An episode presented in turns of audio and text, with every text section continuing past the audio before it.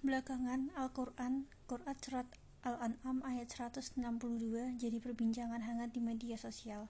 Pasalnya, seorang ekonom Indonesia, Isanuddin Norsi mengatakan komponen makosid syariah yakni hifzun nafs, menjaga nyawa, bertentangan dengan surat Al-An'am ayat 162.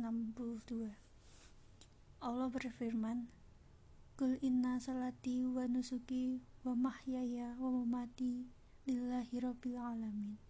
Yang artinya katakanlah sesungguhnya sembahyangku ibadatku hidupku dan matiku hanyalah untuk Allah Tuhan semesta alam. Lantas bagaimana sebenarnya tafsir Al-Quran? Quran Surat Al-An'am ayat 162 ini.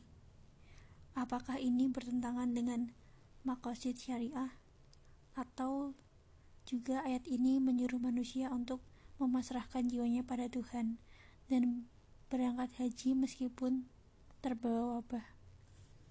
Profesor Qurai Shihab dalam kitab tafsir Tafsir Al-Misbah menyatakan ayat 162 ayat ini dipahami sebagai penjelasan tentang agama Nabi Ibrahim sekaligus tentang sikap Nabi Muhammad yang mengajak kaumnya untuk beriman.